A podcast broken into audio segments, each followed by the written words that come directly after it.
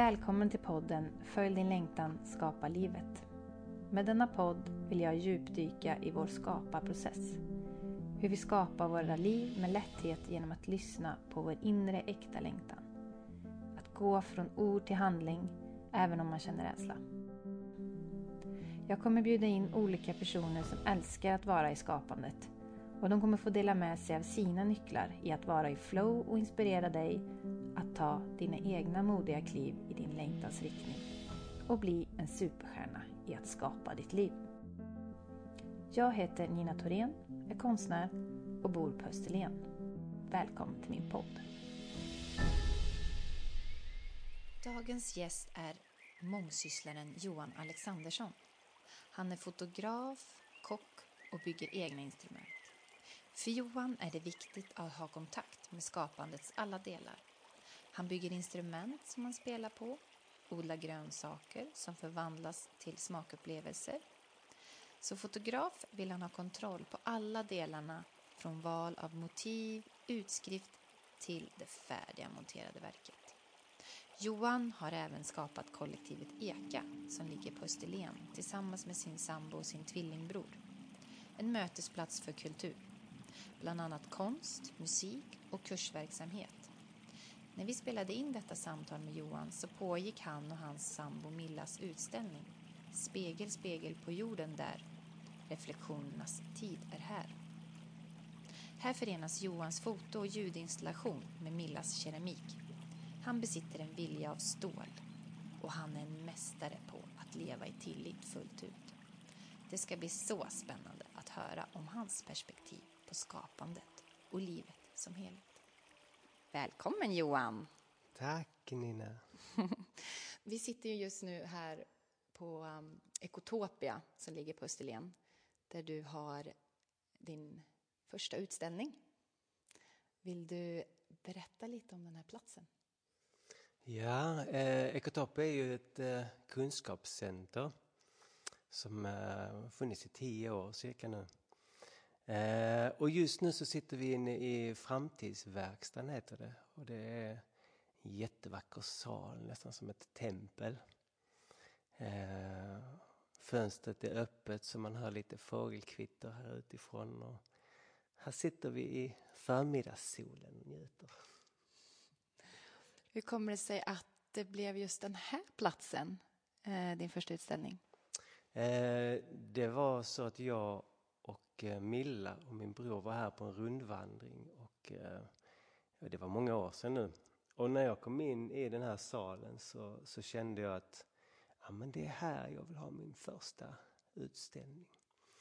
Och sen så i oktober så hade jag ett möte med Karin. Vi har haft rätt mycket samarbete med vilda växtvandringar och matlagningskurser och olika evenemang och så. Eh, och då frågade Karin mig så, du Johan, du vet inte någon som skulle kunna tänka sig ställa ut eh, eh här på Ekotopia till påsken?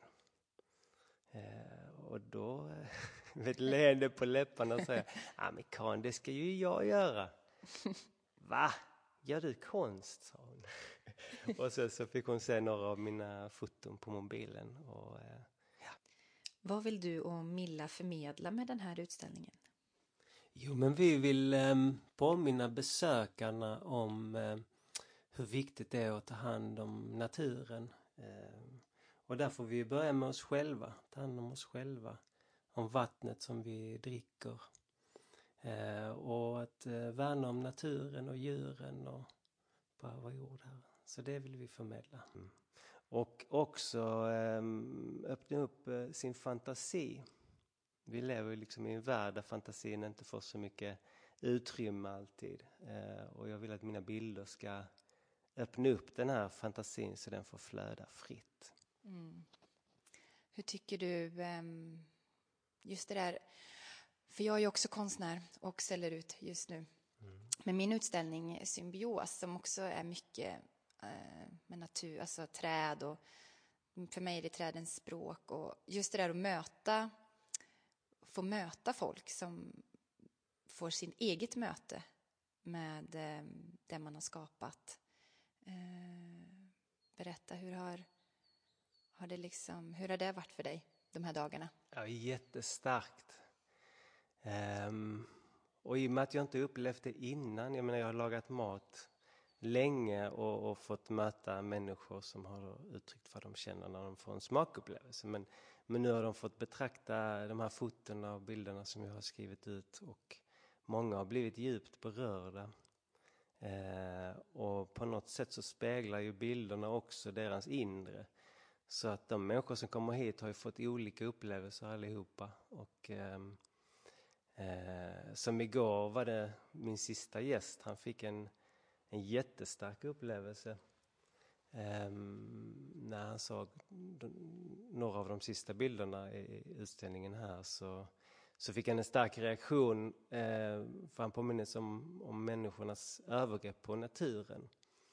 Och påminnes också om att han själv kanske gjort övergrepp på naturen i sitt liv och eh, ja, men viljan att bli bättre och värna mer om naturen. Och, mm. Så det var väldigt starkt. Och sen är det många som kommer in här och, och bara wow, vilket lugn. Mm. Och, och, och, ser ett ljus och blir påmind om att kärleken finns överallt runt omkring oss och tacksamhet för, för naturens skönhet och så. så det, ja.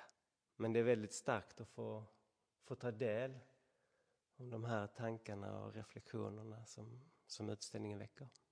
Berätta gärna om motiven på dina foton för lyssnarna. Det är gott och blandat. Här finns det träskmonster som man kan bli lite rädd av och här finns vissa eh, av mina bilder har ett mörker i sig också. Eh, och vissa har ett väldigt vackert ljus i sig. Här finns hjärtan och här finns många vackra färger och skapelser och mycket kopplat till tacksamhet. Och jag vill nog ha med helheten. Eh, men jag märker att i samma bild så kan någon kan det väckas ett mörker inom någon och det kan väckas ett ljus inom någon annan. Så det är eh, betraktaren på något sätt som, som var befinner den sig i livet. Ehm, och det tycker jag är jättefint att, att där finns den där öppenheten. Ehm. Verkligen. Mm. Och som du nämnde det där eh, det här gränslandet lite mm. mellan verklighet och fantasi. Yeah. Att det får finnas där och spela lite för att mm. då kan det få sätta igång fantasin. Mm. Det, allting är inte supertydligt. Som man är van vid kanske med fotografier. Yeah. Där är det liksom, okej, okay, här ser vi vad det mm. är liksom. Yeah. Det, det, det, har du ju verkligen fångat. Att det mm. behöver man vet inte riktigt vad det är man ser. Nej. Beroende ja, på jag, hur man vänder och vrider på bilden. Ja, jag vill att det ska vara surrealistiskt ja. och, och att, att man inte direkt ska se vad är det här. Jag vill att man, man, man ska inte behöva förstå det. Eh, utan jag vill bara att det ska väcka någonting. Jag vill att mina bilder ska beröra. Eh, och det gör de verkligen. Mm. Det är det jag har förstått nu de här dagarna på den här konststunden. Att eh, de här bilderna berör. Mm. Och Millas keramik det är samma där. Jag menar, det, det verkligen flätar samman med de här bilderna och skapar en vacker helhet. I mitten så har vi en önskebrunn som din tvillingbror har gjort. Mm. Eh, där folk tar en hjärtesten och gör, gör en, en, en önskan. Mm. Eh, kanske för sig själva, men jag tror att många önskar någonting för, för vår jord eller för naturen eller för mänskligheten. Eller, så att eh, det är en vacker del av utställningen också. Ja, det är ju, eh, man får liksom önska någonting som man längtar efter. Mm. Vad längtar du efter? det är olika faktiskt.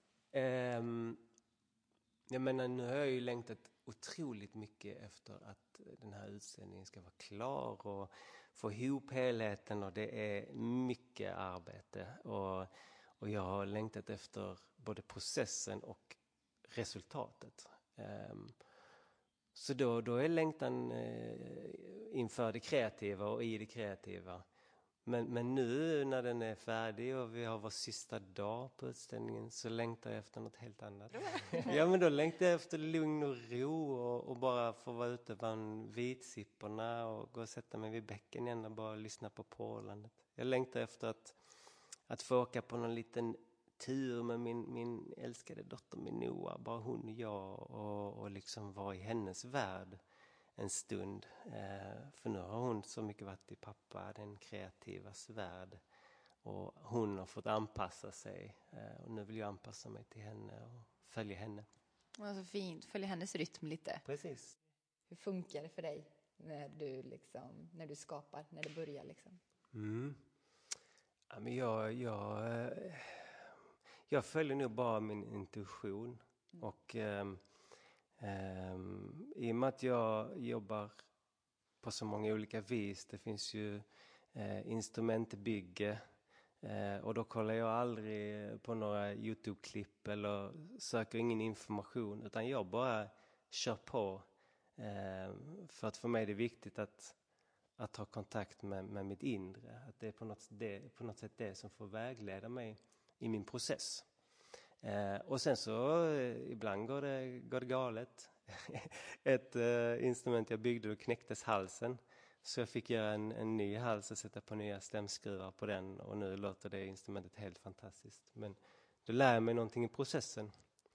Och likaså är det med mina, eh, mina bilder. Jag går ut i skogen eh, till olika vattendrag, sumpmarker, bäckar, havet. Och sen så ser jag eh, något som jag vill fånga. Eh, och sen så jobbar jag vidare väldigt intuitivt med, med de motiven, vänder och vrider. Inget klipp och klistra utan det är en del av verkligheten som, som bildar något surrealistiskt. Så för, ja, så det, för dig är det väldigt viktigt det här att det ska det som vi ser här på bilderna, det är sånt som du har sett och fotat. Det är liksom inget som är eh, retuschat eller liksom fotomontage eller liksom, det, det är inte två bilder nej. som är... Nej, precis. Inga utan det här, det, här, det, är så här, det är så här det ser ut. Mm. Ja. ja och, och sen, sen, har du liksom verkligen zoomat in på det magiska. Yeah. Ja. Och försökt förstärka det. Alltså, ja. Jag menar, jag har ju ökat lite kontraster. Ja, och lite för jag jobbat med, med bilden har jag gjort. Men, men jag har inte eh, förvrängt den. Nej. Nej. Utan då tycker jag att eh, den, den, naturliga magin försvinner. Mm. Så, eh, mm. Vad det, händer i dig? Yeah. Vad händer i dig när du, när du hittar de där platserna? Eh, alltså det är ju som ett lyckorus när jag, när jag ser någonting. Så, eh, och ibland så är det så att jag knappt vill ta fram kameran och, och fota det för att jag, jag vill bara betrakta det. Ehm, men så känner jag att om jag, om jag tar fram kameran så kan jag ju dela med mig av det. Ehm, och ibland så är det nästan så att jag får fråga naturen om lov för att, för att det känns så starkt i mig och, och vissa tillfällen har jag faktiskt känt att jag inte ska fånga det utan bara betrakta det och njuta av det själv. Att det får vara lite som en hemlighet, ja, en liten ja, hemlig källa. Ja, precis. Att, uh, mm. Mm. Ja, det är olika att betrakta eh, naturen genom en liten skärm eller med, med bara med ögonen och bara känna in, in platsen. Men, eh, men jag har ju valt att fota och jag tycker det är helt fantastiskt att få vara i naturen och, och eh, liksom ta del av alla fågelkvitter och vinden och porlandet och havets vågor och alla dofter och alla mina sinnen väcks till liv i skogen havet och naturen. Mm. Om man ser, alltså när, eh, när var det, i om man tittar på din liksom livslinje, när mm. kände du att du från första början började alltså, lyssna lite på, på din längtan till det här fröet? När var det första, vad var det första liksom som du, när du började skapa? Alltså det hände någonting till mig när jag åkte till Västafrika. Ehm, det var nog liksom första tiden i livet när jag, när jag var helt själv långt borta från alla vänner och familj och allt det trygga hemma i Sverige och kom till en helt annan kultur. Ehm, där hände det någonting, där fick jag någon kontakt med mig själv och jag tog mycket foton där. Jag spelade på olika instrument fast jag inte egentligen kunde det, så gjorde jag det ändå. Eh, och jag tror att jag, ja, ja, men jag har väl alltid varit ganska tillåtande mot mig själv. Men där så var det som att det tog ett steg i den afrikanska sanden där mot eh, att liksom våga uttrycka mig lite mer. Och det var många, många år sedan nu. Mm. Mm. Hur har det sett ut från, från den tiden då, eller man säger från det tills där du står idag. Mm. Hur har liksom, berätta lite för oss, hur har ditt liv sett ut? Eh, alltså jag har väl varit så här att jag stannar i någonting så länge jag mår bra av det. Jag har ju jobbat som kock och köksmästare och så här under många, många år. Och, och där finns det också en kreativitet. Det är också ett konstnärskap eh, och ett hantverk. Eh, och när jag känner att, att det inte känns kul längre eller inte är utvecklande så rör jag mig vidare. Så jag har på något sätt alltid varit på livets vandring eh, och så har jag hittat olika godbitar, liksom musiken, foto, dans, eh, de vilda växterna var inte så länge sedan jag fann men de är helt fantastiska. Eh, och samskapande. Eh, så på något sätt så har jag liksom fyllt på med många av de här olika essentiella ämnena i mig och väljer dem väldigt aktivt. Skapar mitt liv runt omkring mina passioner och följer hjärtats väg. Alltså där beskriver du ganska tydligt det som är så viktigt med den här kryddan i att våga skapa sitt mm. liv. Alltså just det där att man inte stannar kvar när det inte känns, så fort någonting i kroppen inte, det känns inte riktigt rätt. Det här, det här har givit mig någonting länge, men just nu gör det inte det. Nu är det dags för någonting nytt. Det, och där, det är där jag blir så himla lycklig, när man mm. liksom träffar människor som vågar lyssna på sin längtan och liksom våga leva då i tilliten att det, man kanske inte, eller har du liksom, när du har lämnat någonting, har du liksom vetat har du liksom haft en utstakad väg? Eller, det känns ju som du också lever väldigt mycket med tillit. Mm. Att det liksom, nej okej, okay, vågar du lämna någonting innan du vet vad som ska vara nästa steg? Absolut vågar jag det. Ja. Jag tvekar inte. Om jag är i något som jag inte vill vara så, så går jag vidare. Mm. Eh, och jag har full tillit. Och det handlar väl om att jag har inte varit i så mycket svårigheter. Och det kanske också handlar om min inställning, att jag inte har jag har inte gått in i svårigheterna och det dystra och mörka så himla mycket. Även om jag vet att det är en del av livet så har jag på något sätt valt en ljus väg där det inte finns så mycket rätt och fel. Ehm, och det är därför jag kan tillåta mig själv att göra saker på mitt sätt. Mm. För att eh, om jag inte har någon annan referens eller något annat att förhålla sig till så, så finns det inget fel finns det bara min väg och ibland blir den bra, ibland blir den mindre bra, ibland blir den helt fantastisk och, och, och det är okej. Okay. Ja, tänk vad många de här fantastiska upplevelserna som man kanske skulle ha missat mm. då. Men du, om, om du vill beskriva hur, om du går in i den här tillitstänkandet, vad mm. tror du kan, vad tror du hjälper att våga vara mer i tillit i livet. Mm. Vad, vad, vad, om man analyserar, liksom, vad, hjälper dig i, i, Är det liksom några speciella tankegångar som du, eller några speciella frågor som du ställer dig för att hjälpa dig att våga vara, eller för dig nu som har tränat och lever verkligen tilliten så blir det som en självklarhet, men sådana som känner att nu vill våga mer, leva mm. så. Alltså, jag tror att det handlar mycket om någon slags inställning till livet. Och eh, förr i tiden så var jag mycket mer orolig.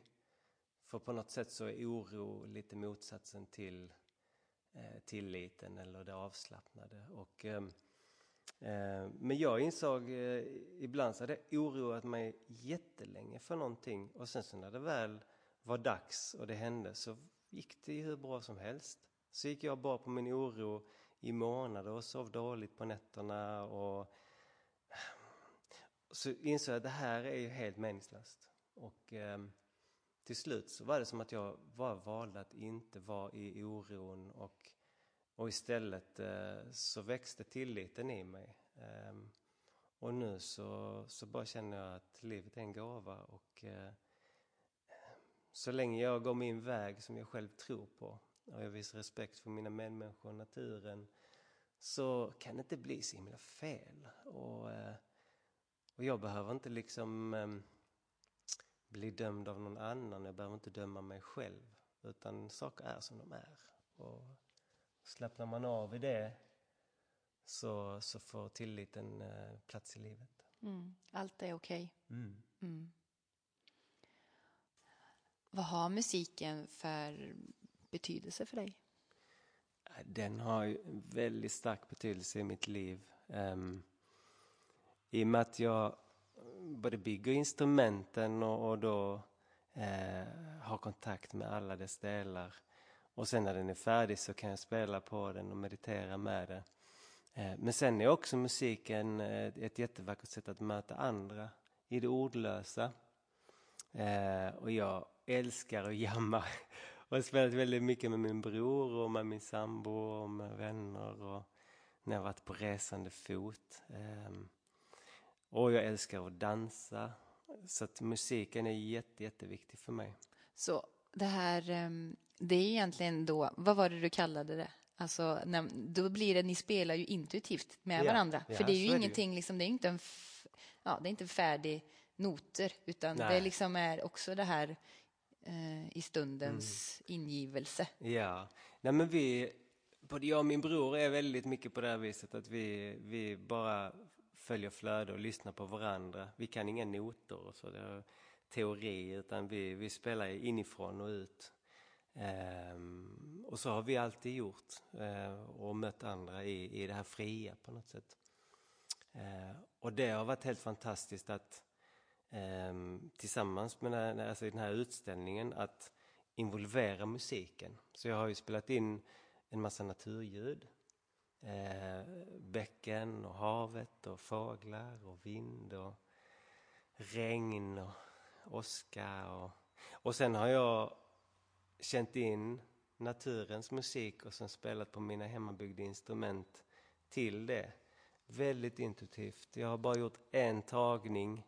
Det första som kom, det är det som får vara. Eh, så det, det ligger i bakgrunden här på utställningen. Eh, den här musiken med eh, en massa naturljud i. Underbart, det, måste, det, det ska vi ha med här lite, så Ja. vi ska få lyssna. Vill ni ha ett smakprov? Ja, det Ja, är men- härligt. Sätter vi på lite. Ja.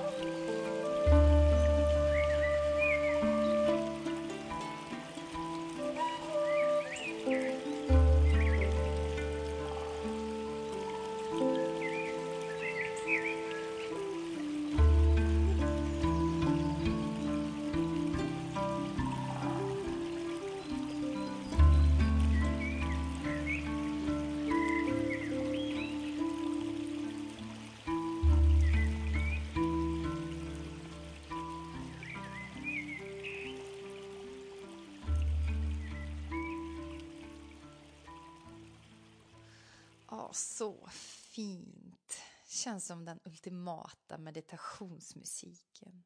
Som en mysig upptäcktsresa i naturen som man bara får följa med och vara i. Ja, underbart. Men du, om jag säger så här. Vad är livet för dig?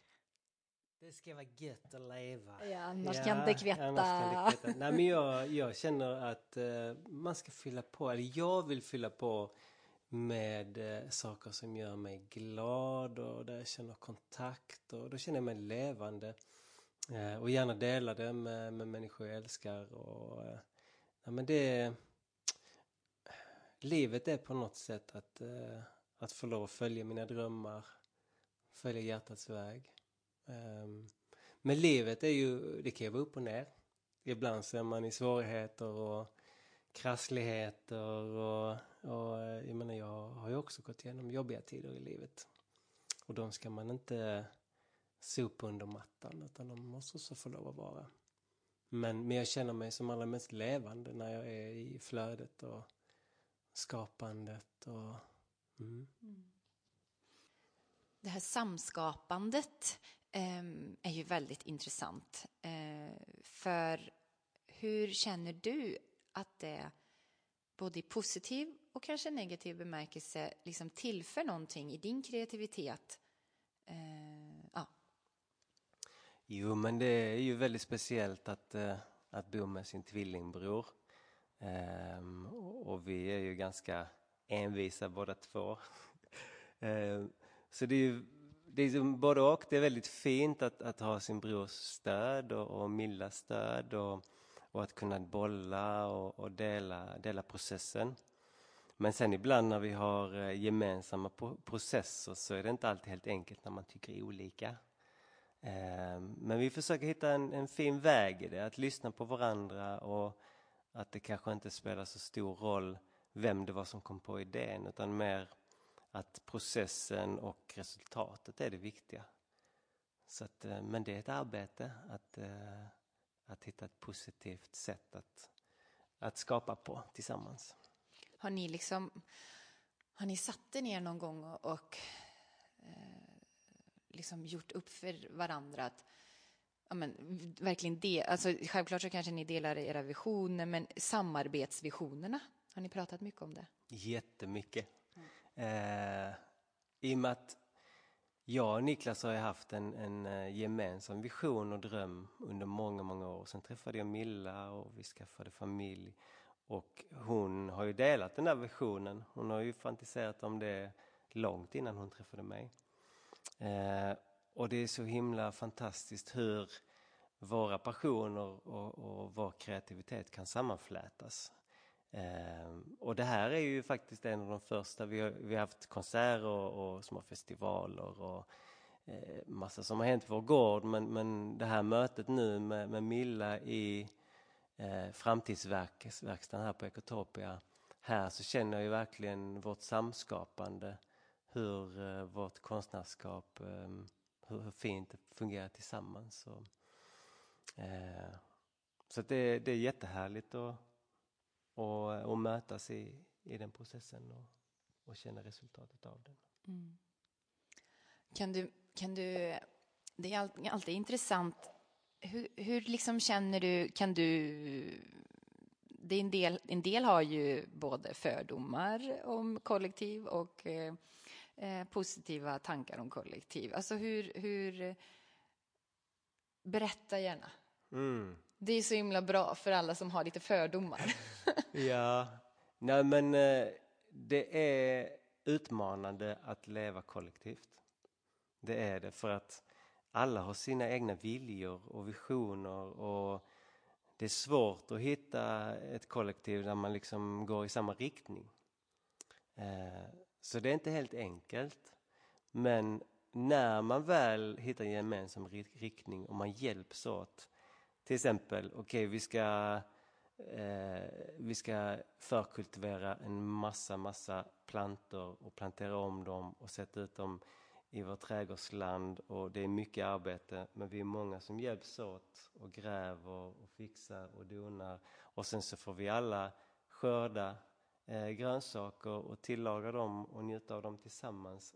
Det blir en väldigt liksom, vacker process och saker blir mindre tunga när man hjälps åt med dem. Mm, ja, verkligen. Odlandet och matlagningen kan vi ju gå in på lite här. Mm. Det har ju varit en stor del i ditt liv. Alltså du har, du har jobbat som kock länge, eller många år? Många, eller? många, många år. Det är ju säkert en 17-18 år eller något sånt. Mm. Mm. Och vad, vad är det som fängslar dig mest i matlagningen? Alltså det är ju lite som med all annan kreativitet för min del, att, att det får komma inifrån. Jag, ibland kan jag uppleva att eh, råvarorna och grönsakerna, de berättar för mig hur de vill bli tillagade. att, att det inte är jag som bestämmer riktigt, utan det kommer till mig på något sätt. Eh, och det allra härligaste är ju att skörda sina egna grönsaker och, eh, och handla lokalt och sen så skapa magisk mat av det. Ja, verkligen. Mm. Vad, om man liksom sammanför alla de här underbara härliga saker som du skapar, vad, vad är din superkraft? Mm. Nej, men jag tror det här att...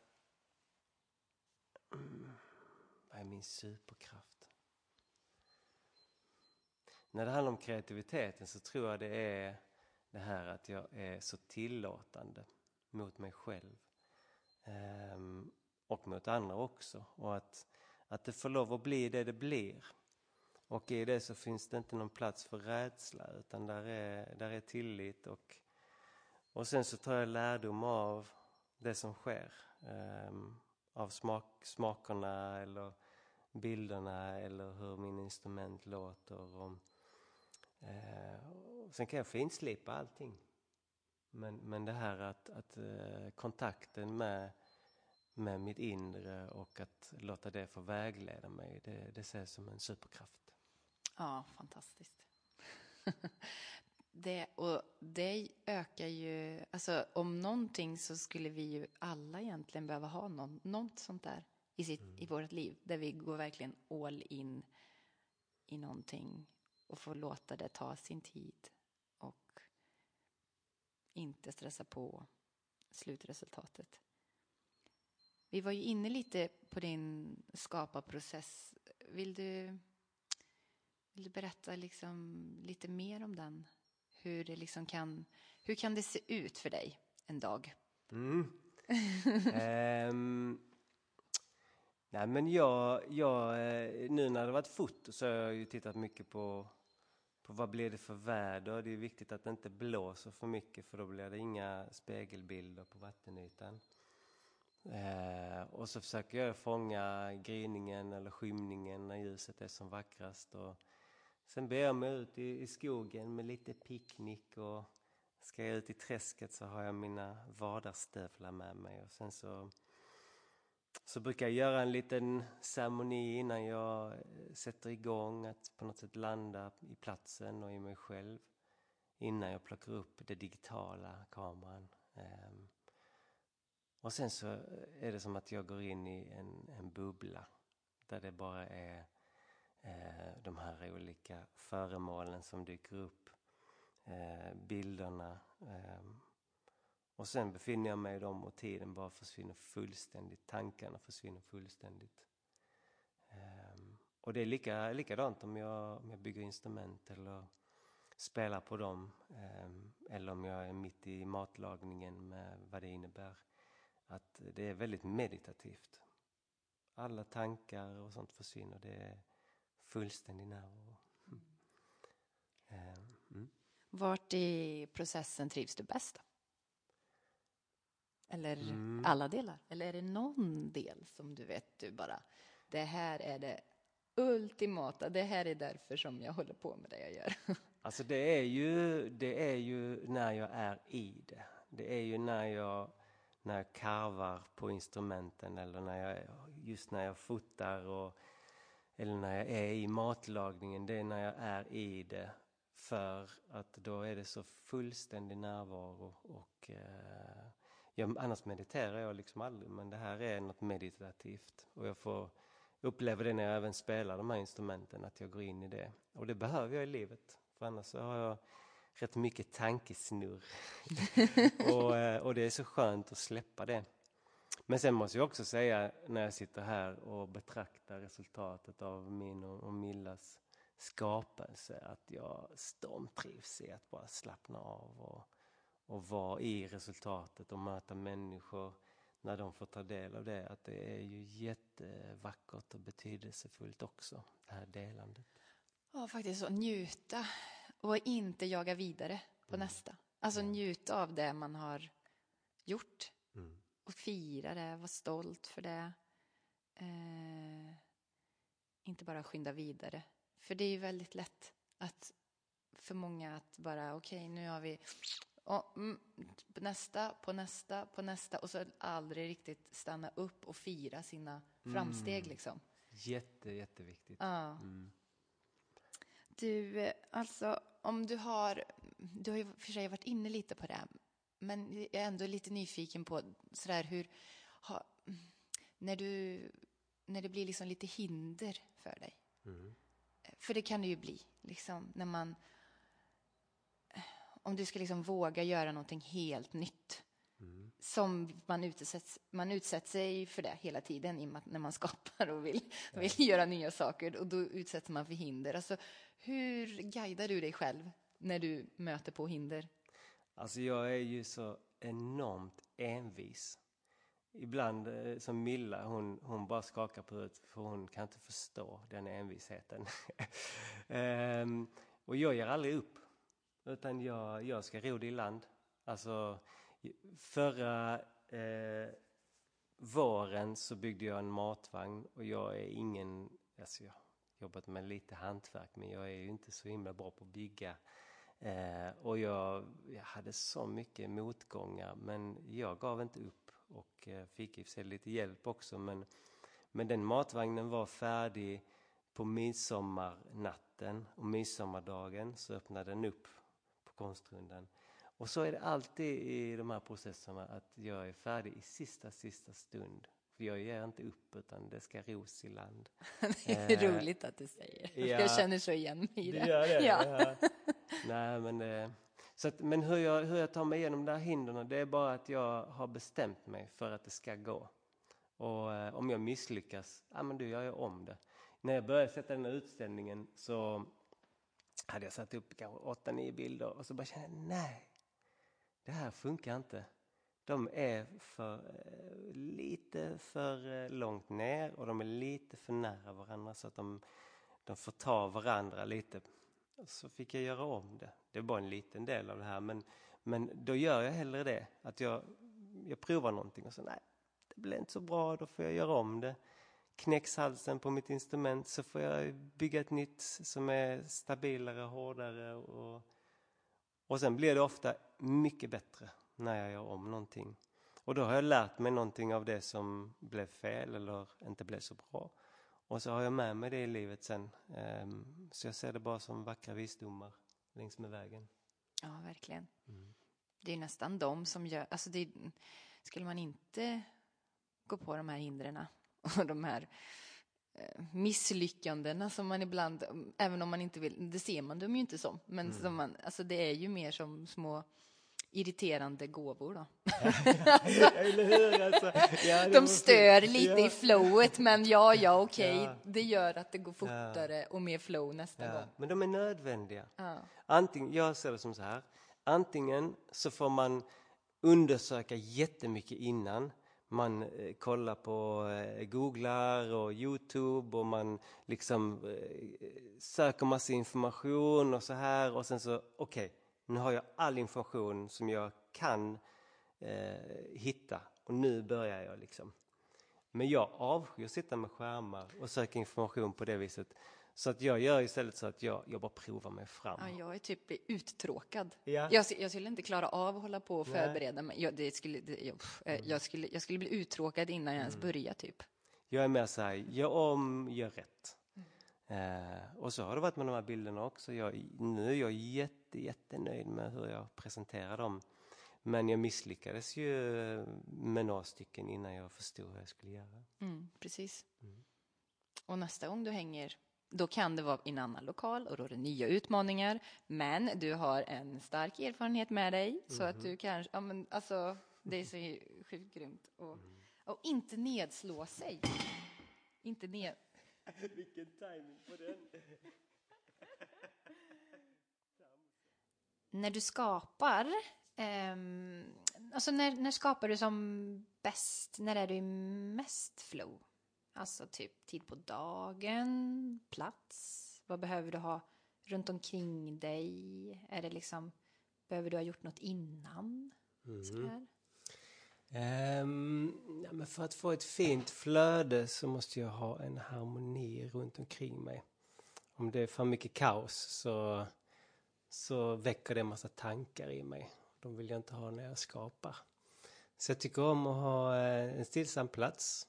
Göra lite ordning och reda. Gärna tända lite ljus och kanske sätta på någon uh, instrumental skön musik och ha allting som jag behöver för mitt skapande framme så att jag ja, men går in i, i processen med närvaro.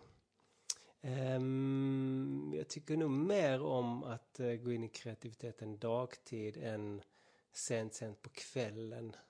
Även om jag ofta har gjort det också. Men jag känner att, att jag har ett eh, annat fokus och bättre närvaro dagtid än på kvällen och på natten och så. Um, och Ja, men platsen. Jag har ju en plats på gården som jag hela tiden dras till. Och det är eh, ett loft på ladan. Eh, innan hade vi eh, som två stora portar man kunde öppna upp. Eh, och då såg man ängen och skogen och det var en väldig öppenhet och kontakt med naturen utanför. Där har jag suttit och byggt mycket av mina instrument och även jobbat med mina bilder. Och sen är det ju ute i skogen när jag fotar. Då är det min arbetsplats mm. eller plats för kreativitet. ja. Mm. Du, har du någonting som du startar upp med? Som um, hjälper dig att um, gå in i dig själv? Mm. Eh, som när jag eh, fotograferar då är det jätteviktigt för mig att först landa på platsen. Att inte så komma eh, liksom dit och vara stressad och så slita upp kameran. Jag har bara en timme på mig att fota, nu måste jag få någonting gjort. Utan då blir det inget bra. Utan jag vill ha gott om tid och eh, liksom sätta mig ner i skogen och lyssna på alla ljud. Det är ofta vatten omkring mig och fågelkvitter och vind och små möss som prasslar och liksom att bara, bara gå helt in i det först och landa och på något sätt också känna tacksamhet för att jag är här och nu på denna plats och öppna upp mig lite och sen sen kan jag ta fram kameran mm. och då har jag en helt annan närvaro. Mm. Mm. Sen har jag förstått att eh, mycket ligger i eh, känslan mm. i händerna, alltså materialval, alltså som mm. du jobbar med. Eh, berätta lite hur dina tankar går kring mm. det. Alltså jag älskar ju alla naturmaterial. Eh, och gärna eh, naturmaterial från de områden jag befinner mig Gärna runt omkring gården, i skogen. Som ett exempel så byggde jag eh, ett staket till eh, min dotter Minoa och räcke uppför trappan i vår lägenhet. Och då var jag ute i skogen och, och plockade fallna eh, grenar och eh, så här. Och byggde utifrån det. Och det, det blev väldigt organiskt. Och det tog väldigt lång tid för det finns inget som är rakt, allting är böjt och allting måste specialgöras. Men, men resultatet blev helt fantastiskt. Eh, och det är samma sak med mina instrument, eh, att jag gärna använder ehm, som, som till exempel jag har byggt en, en ngoni eh, som är inspirerad från Västafrika. Och då använde jag en lönn som växte precis vid husknuten som ändå behövdes ta, tas bort. Eh, och eh, skinn från, som jägarna hade fällt i området eh, som jag garvade själv. Och, ja, men jag gillar att ha liksom kontakt med materialen. Och, så. Mm. och sen um, de här utskrifterna på mm. fotona, det var ju också något speciellt papper. Ja, precis. Ja, men då är det eh, 60% hampa och 40 bomull. Eh, och jag har provat massa olika sådär men det, jag drogs hela tiden mot det och jag tycker det var det som det blev bäst resultat på. Och ett lite miljövänligare papper också. Så jag vill ju gärna att det ska vara så miljövänligt som, som möjligt. Mm. Och instrumenten, alltså vad, vad, vad är det för material där, de du bygger? Ja men då är det, det är trä och det är skinn. Jag har ju byggt massa, och lera nu, nu byggde jag faktiskt en, en uddtrumma som är traditionellt eh, eh, instrument med trumma gjort av keramik. Men så monterade jag ett renskinn på det. Så att den eh, kan man spela på många olika sätt. Och, eh, annars är det de här eh, med västafrikanska instrumenten. Då har jag byggt en, en ngoni och då är det byggt av en kalabass som är som en stor pumpa.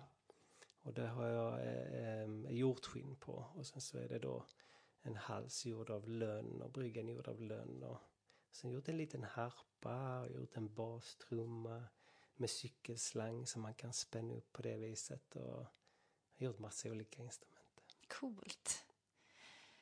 Och sen, vi har ju pratat mycket om din, ehm, alltså att, din tillit till väldigt mycket och att det liksom får, och att allting kommer inifrån dig och um, du blir liksom inte så påverkad utifrån utan det viktiga är som kommer inifrån. Men sen har jag också förstått att är, du har väldigt öga och känsla för detaljer och slutresultat och som du, som du beskrev det här eh, att du var um, väldigt eh, målinriktad. Alltså, mm. du, du gav det inte. Du var, mm. alltså, och, det, och, det, alltså, och det kan man säga, du besitter ju liksom kraften av att vara, leva fullt ut i tillit, men även vara perfektionist. Liksom. Mm. Den kombon tycker jag känns väldigt intressant. Vill du prata lite om det? Mm. Um, mm. Nej men jag, men jag har pratat mycket om det här med tillitsdelen där och den, den har jag väl naturligt i mig. Um, men det här med det perfektionistiska det är väl att jag har förstått att allting spelar roll. Framförallt i, när jag bygger instrument. Varenda liten del påverkar ljudet. Och jag ger mig inte förrän jag tycker min instrument låter precis så som jag önskar. För att man kan alltid förändra, man kan alltid finslipa. Och, eh, så där har jag väl ett öra och eh, liksom en, en, känsla att det ska låta så som jag önskar. Och jag ger mig inte förrän jag är nöjd. Um, men sen så har jag väl också det här eh, att det behöver inte vara perfekt. Till exempel till den här utställningen vi har haft, jag och Milla så gjorde jag ju att jag spelade in naturljud och sen så spelade jag de här instrumenten jag byggt ovanpå det. Och då bestämde jag mig för att ja, men jag, jag, jag tar en tagning. Och så får det bli vad det blir. Jag utgår från min känsla och så spelar jag. Eh, så det gjorde jag. Jag spelade Ongonin en tagning, harpan en tagning och en ramtrumma, eh, eller så schamantrumma jag har byggt en tagning. Och så fick det vara. Och min tvillingbror Niklas, han eh, spelade flöjt en tagning. Och sen fick det vara. Och det är också något vackert i att låta det vara i flödet och det spontana, att det får utrymme. Och då är jag ju inte perfektionistisk. Då skulle jag gjort massa tagningar och inte gett mig förrän det var så. Men, men jag, jag gillar också det här eh, enkla och avslappnade. Det som sker direkt. Mm. Mm. Mm. Men det här när man är väldigt ja, driven, bestämd, målinriktad kan ju vara då att man eh, väldigt lätt kan alltså driva sig själv till yttersta och, och sådär. Känner du att du, hur tar du hand om dig? Mm. Alltså sådär om du har varit väldigt eh, hård. Ja. alltså. ja, där har jag faktiskt en utmaning tycker jag. För att eh, jag kör ju på jag har, om jag har ett mål, jag har liksom bestämt mig för att det här ska jag göra och det ska vara klart till en viss tidpunkt eller en viss dag. Så ser jag till att det blir, blir klart. Eh, vad det än kräver av mig och men det också, jag har en familj, jag har en dotter. På något sätt kan mycket åsidosättas, även min egen hälsa. Ibland glömmer jag bort att dricka vatten och ja men jag bara kör på. Eh, jag ska inte säga att det är maniskt men det är inte långt ifrån. Så jag kan ha en sån enorm drivkraft och den är ju kanske inte alltid så sund. Ehm, men jag försöker bli bättre på framförhållning. För jag tror det är det som är nyckeln. Att ha gott om tid. Att inte hamna i stress och att man bara, ja. Jag menar, tänk att vara klar en vecka innan Tänk om, om jag lyckas med det någon gång i livet liksom. ja, jag har någonstans här accepterat att, att jag aldrig kommer vara det. Men alltså det kan ju vara ett driv. Mm. Man kanske helt enkelt får bestämma sig för att ja, men då ska det vara klart. Ja. Låtsas helt fullt ut ja. leva i att den är deadlinen. Mm. Mm. Nej, jag har aldrig lyckats heller, så jag, jag förstår dig. Nina. Men jag tror också det är för att man bryr sig så himla mycket om slutresultatet. Man vill verkligen göra sitt bästa. Och då finslipar man på det man gör in i det sista. För att det har man möjlighet till. Så jag vet inte om jag kommer komma ifrån det där men, men, ehm, men lite bättre framförhållning det skulle jag vilja unna mig själv. Mm. Och hur, ta, hur, efter de här intensiva perioderna, vad, vad ger du dig själv då? Mm. Um, Alltså om jag bara kan få lägga mig under körsbärsträdet och, och bara vara och bara lyssna på bäcken som flyter där precis bredvid och eh, bara titta upp i trädkronan och bara andas och inte behöva vara i något görande. Eh, liksom när jag, när jag lyckas med det, för att ofta efter en eh, kreativ process eller när man eh, liksom är framme vid sin deadline så är det, det tar några dagar för mig att varva ner. Så att eh, på, på något sätt så när, när jag landar i det, bara att vara, eh, så då, då, kan jag liksom börja bygga upp mig själv igen. Och, och eh, ta det lugnare och liksom, eh, ja. Du som är mångsysslare, finns det någon röd tråd mellan alla dessa härliga saker du håller på med? Jo, men det, det finns det väl. Jag tänker att, att allting hör ihop och ehm, ja, men jag ser väl framför mig att eh, till exempel att maten jag lagar kan serveras i en eh, lokal där bilderna finns på väggarna, musiken som jag och min bror har spelat in finns i bakgrunden. Maten serveras på min brors eh, tallrikar eller Millas tallrikar och och att vi skördar våra grönsaker eh, på gården. Så att, ja men det finns en röd tråd. Jag tycker att allting ska kunna hänga, hänga samman och skapa en vacker helhet där man har kontakt med ursprunget. Så, eh, så det är väl den röda tråden. Har du haft några mm, såna viktiga vändpunkter i ditt liv som har liksom påverkat dig där och ger dig kraft där du står idag? Ja, jag har väl haft rätt många sådana punkter. Ehm, den första jag kommer att tänka på det är när jag lämnade mitt eh, köksmästarjobb på Salto brygga som höll på att bränna ut mig och, och reste till Nya Zeeland på andra sidan jorden.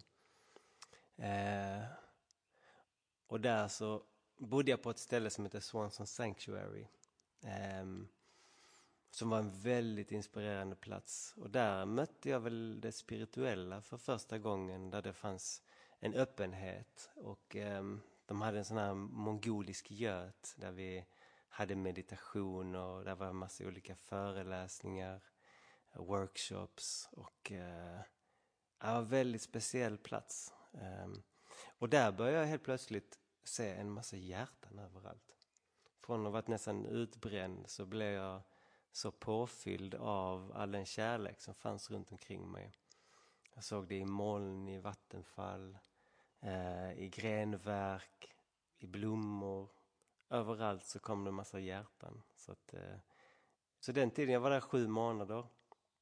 Och eh, ja, det, var, det var väldigt eh, stort för mig. Och, och en, en vändpunkt där jag öppnade upp för någonting, något större. Underbart. Någon, har du, en, du nämnde att du hade några fler. Var det någon, är det någon annan? Ja, sen den största vändpunkten var ju att flytta ut till Österlen. Och att eh, hamna på en plats eh, där jag känner att jag vill leva. Leva tills jag dör. Och eh, ha möjlighet att, att skapa den, på denna platsen tillsammans med, med dem i kollektivet och min bror och min sambo och min dotter. Och eh, och då, då öppnades ju en möjlighet som jag inte hade i den lilla lägenheten i Malmö och där jag jobbade för någon annan. Här jobbar jag för mig själv och för oss och, eh, och det finns alla möjligheter till, till skapande och kreativitet och, och väldigt mycket lärdomar i att leva på det här viset med odla och med djur och natur. Och, ja. det låter ju underbart och dessutom att ha någon mer att dela den här passionen med. Mm måste vara helt fantastiskt. Eh, måste ju också ge en väldigt trygghet i att fortsätta hålla på med det. Mm. Alltså, och styrkan i det. Har du något sån här, okej, okay, om jag, när, när jag dör, då vill jag ha lämnat det här avtrycket. Förutom din fina dotter då, avtryck som du kanske har gjort med alla personer du har träffat. Men har du någon annan sådär, ja, något viktigt, det här skulle jag vilja vara en del av, att lämna ett avtryck? Mm. Alltså jag skulle ju vilja inspirera människor. Eh, och, och, det vill jag gärna göra tillsammans med, med andra, med de andra Ekaborna. Men att, att skapa en plats där eh, man kan komma och känna okej, okay, det här är ett alternativt sätt att, att leva på. Och, ehm, och jag vill inspirera människor till att eh, följa deras drömmar så att de kan förverkligas och att eh, följa hjärtats väg. Ehm, och att ingenting är omöjligt, utan allting är möjligt. Och inte vara så hårda mot sig själv, utan vara ödmjuka mot sig själva och, och låta saker bli som de blir. Och känna tillit till att eh, det blir som det ska och allt är okej. Okay. Um, så men, men det känner jag väl. Och sen vill jag dela med mig av mina gåvor. Och eh, just nu känner jag att det här med att bygga instrument. Nu spelar jag på dem själv, men jag skulle vilja bygga instrument som andra människor kan meditera med. Jag vill, wow. Ja, det skulle jag vilja göra. Ett litet yeah. snickeri och garva mina egna skinn och liksom, ja, så andra får lov att spela på och gärna ha kurser så att folk kan bygga sina egna instrument också. Eh. Men verkligen, och det här som du berättar, det här avtrycket som du vill ge, det är ju väl väldigt mycket det som, som ni skapar med era kurser, mm. eller hur? Alltså att ge det, att ge vidare det till andra. Ja, Nej men nu har vi ju, vi har inte kommit igång med kurserna på EKA ännu. Utan... Men det är sådana här träffar typ? Eller liksom ja. sådana här eh, event? Eller ja, vad men det har vi ju. Ah. Det har vi ju. Och vi har ju kurser här på Ekotopia med vilda växtvandringar och matlagning och så.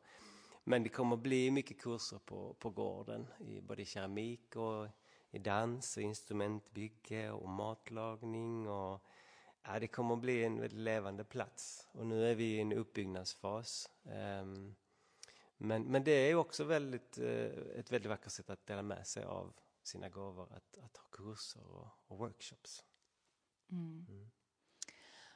Har du någon sån där som du, även om mycket kommer inifrån dig och sådär, har du någon, um, ja förutom din bror och din, din sambo, men har du någon annan sån där person som du inspireras av?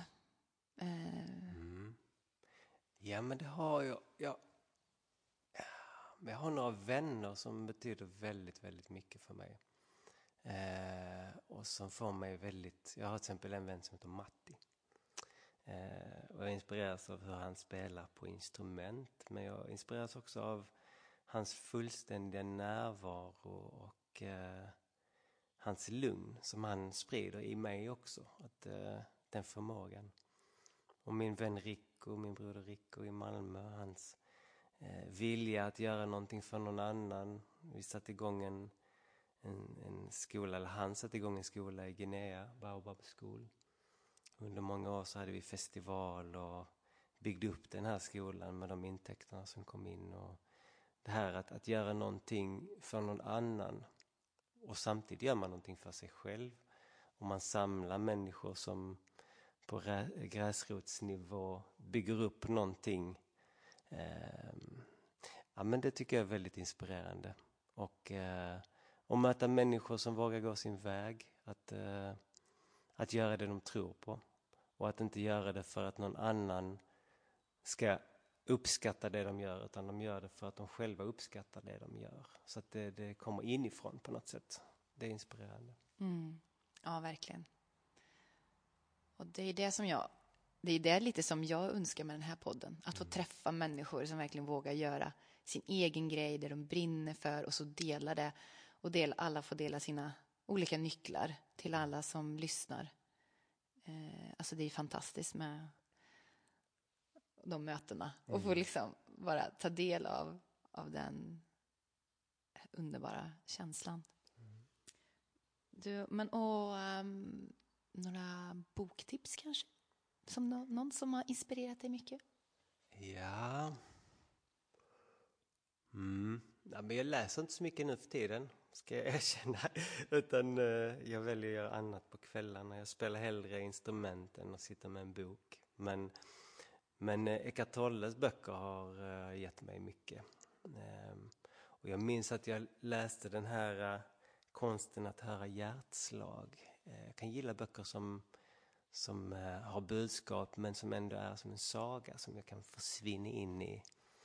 Ehm, ja, Nionde insikten, den betyder mycket för mig när jag läste den för många, många år sedan.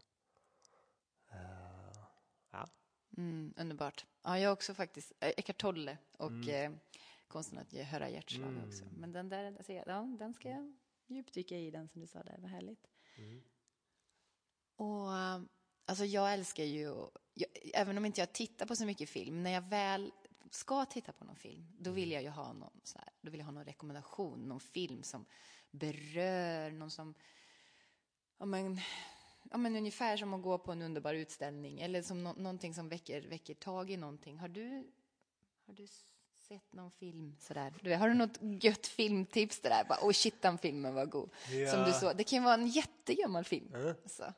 Ja, alltså, men det är samma där. Jag, jag tittar inte mycket på skärmar. Alltså. Nej. Jag har inte haft en, en tv på jag tror 18-19 år. Och, ja, men, men, eh, men, jag kommer ihåg när jag såg eh, Amelie von Montmartre. Mm. Så den blev jag väldigt tagen av, alltså det kommer jag ihåg. Så den, den är väl en rekommendation. Ja, den, den är ju fantastisk. Mm. Ja, det var nog typ den första filmen för mig som väckte någonting annat yeah. än att bara att man ska bli underhållen. Den var som någon mm. en busig eh, eh, fantas, alltså det var lite revoltbus, eh, snygg film, alltså det var, mm. och musiken, yeah. alltså shit vad jag har lyssnat på den musiken. Yeah. Ja, det är viktigt. Det var nästan mitt också, typ mm. första eh, sådär och lyssna på någon annorlunda musik mm. än den här kommersiella, vanliga mm. musiken. Ja, visst. Ja, den var också väldigt betydelsefull för mig. Mm. Vilka mer platser på jorden än Österlen har du som så här, wow, de här är fina för mig, som har betytt något för dig? Ja, alltså Nya Zeeland. Jag rekommenderar alla att åka till Nya Zeeland. För att eh, det är ett helt magiskt land. Ehm, och magiska människor och kulturen. Och, är jag, det förvandlade mig lite. Jag kom hem, ja, man är ju den man är, men jag hade blivit så påverkad av min tid där. Så Nya Zeeland och sen Västafrika. Jag älskar ju de här traditionella instrumenten. Eh, och de har inspirerat mig i mitt bygge också, när jag bygger egna instrument. Och dansen och och det här i Afrika, att man är så tacksam för det lilla och man delar det lilla man har och den här gästvänligheten. Jag ska berätta något bra för nu har jag Afrika på tråden. Gött, och, och jag hade en väldigt nära vän, Tjerno, där. Eh, och han mötte en man som inte hade någonstans att bo. Och då sa han så, ja men, ehm, ja, men du kan bo hos mig. Det var inte från samma stam, de hade aldrig träffats innan. Och den här mannen delade säng med Tjerno i över ett halvår innan han hittade någonstans att flytta vidare. Och jag blev så djupt berörd av det, att släppa in en man som man inte känner och dela säng. Ja, det är stora hjärtan och man delar det lilla. Det är vackert alltså. Ja, verkligen. Till skillnad mot oss här i Sverige som är uh, vi får inte ens sitta för nära någon. Ja. Att, att, att vi är så himla frånkopplade, mm. alltså vi isolerar oss liksom mm. så himla hårt. Och att det sitter, det, kan ju, det finns ju ganska starkt i oss som, som kultur. Mm, verkligen. Ja. Men det är ju en inställning som man kan, det kan ändras. försöka ändra. Och det är det vi kan skapa. Ja. Mm. Alltså det, är det, vi kan, det finns ju fortfarande möjlighet att skapa om det. Ja, ja. Ah. Tack vare att jag var i Västafrika där och fick möta den här gästvänligheten och det, att man delade lilla så hade jag några, ett gäng senegaleser i Malmö som blev av med sin lägenhet. Så sa men kom och bo hos mig. Så jag hade sex stycken senegaleser som bodde i min lilla tvåa i fyra månader. Så fint. Eh, och vi delade livet där på det lilla vi hade och det var jättevackert att alltså, få ge tillbaka. Alltså tänk den inspiration. Alltså det kan ju vara så här att du såg en sån godhet, att någon gjorde en god gärning, mm. inspirerade dig till att våga bjuda in det hos dig också. Mm. Att det blir verkligen, att varje liten god gärning ger ju ringar på vatten till att inspirera andra att välja godhet och snällhet och, och allting. Mm. Ja, det är ju fantastiskt. Jo. Om vi låtsas att du har, ja men det är fem miljoner som sitter här och vill lyssna på vad du ska säga mm. just nu. Vad, om, du, om du hade tillfället att de har sin uppmärksamhet just nu, vad skulle du vilja säga till de här fem miljonerna människorna? Oj, oj, oj. Hmm. Nej, men eh, jag skulle nog vilja säga att ingenting är omöjligt. Och eh, jag skulle vilja inspirera alla att, eh, att följa sina drömmar. Eh, för det har jag, jag har gjort det i mitt liv. Och eh, på något sätt så, så har jag upptäckt att allting kommer till ändå. När man verkligen öppnar upp sig för, för möjligheterna och för, för längtan och för visionerna och drömmarna. Så att eh, följ, följ de här drömmarna. Ge inte upp. Mm. Ge er själva den gåvan att, att, att följa, följa mm. drömmarna och hjärtats väg. Mm. mm. Har du några andra fina nycklar som du skulle slut, slutligen här vilja dela med dig till lyssnarna? Mm. Några liksom perspektiv som har hjälpt dig att följa din längtan och ja. hålla fast vid det under resans gång, liksom ha tillit till, till det. Mm. Ja, men att vara inne på det här att ha en vision och en dröm och så gå i den riktningen. Men att inte eh, bilden behöver vara för tydlig. Utan se det som en, en riktning. Och sen så kan det komma något annat längs med vägen. Som, som kallar på dig eller som då kallar på mig. Och, och att våga svänga av lite grann också. Um, för att om man har en för uh, bestämd tanke om att exakt så här ska mitt liv se ut där framme så kan man missa en massa möjligheter längs med vägen. Um, så att uh, följ hjärtats väg med, men med öppenhet. Uh, så att man inte låser sig. Har du något uh, exempel från ditt liv i det här som mm. du vill dela? Ja, men som, som till exempel um, jag har ju haft den här drömmen om att sätta igång en stor restaurang göra ett gediget restaurangkök och en jättestor vacker matsal och, och liksom, ja men göra, göra någonting eh, fantastiskt på det viset.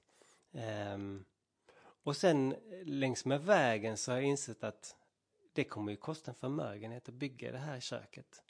Och då måste jag ju stressa en massa för att få ihop pengar till att betala lånen och jag ska ha anställda och Ja men på något sätt så, så landar jag i att det känns mycket skönare att göra det lilla. Och utgå från det för att känna på det på riktigt. Och då eh, byggde jag den här lilla matvagnen. Den är inte jätteliten. men den var rätt billig att bygga. Och eh, vi har en fantastisk uteservering på Eka. Um, och jag känner lite att jag kan göra samma matlagningsmagi lägga konst på tallrikarna och få människor att njuta av det på precis samma sätt från den här lilla matvagnen eh, som jag hade kunnat göra från mitt restaurangkök. Um, och då är jag ju liksom på något sätt mycket friare. Eh, och, och, det var väl ett sätt att ändra riktning. Vi skulle också bygga en stor keramikverkstad på gården. Nu blev det en pytteliten keramikverkstad istället där eh, min tvillingbror och Milla är aktiva. Eh, och det var också ett sätt att ta tillvara på det vi har, börja enkelt men komma igång och känna in det och sen så kan få, saker och ting få växa i lugn och ro. Men det är, ligger ju någonting i det, att bara att, att börja. Att inte stanna upp bara för att man har den här storartade planen. Mm. Men att göra det, gräva där man står, gör det som, det som se, det man kan se just nu. Mm. Och sen när det har fått vara så kan man se någon, någon annan sak som ska bli något, som, något tillägg eller, eller Mm. ja. Verkligen. Och du, vad hittar man, eh, var hittar man dig mer nu då? Om vi vill få, hur, om vi vill ha mer av dig nu Johan, men hur hittar får vi man, dig? Då får man åka och hälsa på oss på Eka.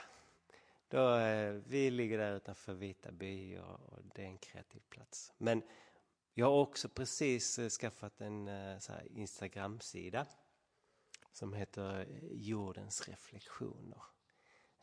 Ja men vad fint. Då, eh, jag lägger även eh, informationen om vart du hittar eh, mer av Johan i texten här till podden. Och eh, tack så hemskt mycket Johan för, att, för det här underbara samtalet med dig. Tack Nina. Mm. Mm. Tack för att du lyssnar på Följ din längtan, skapa livet-podden. Är du nyfiken på mig och min konst? Konst som vill lyfta en känsla av längtan, ursprung och urkraft. Allt hittar du på min hemsida ninatorenart.se. Så fint att du har hittat till min podd. Vi hörs!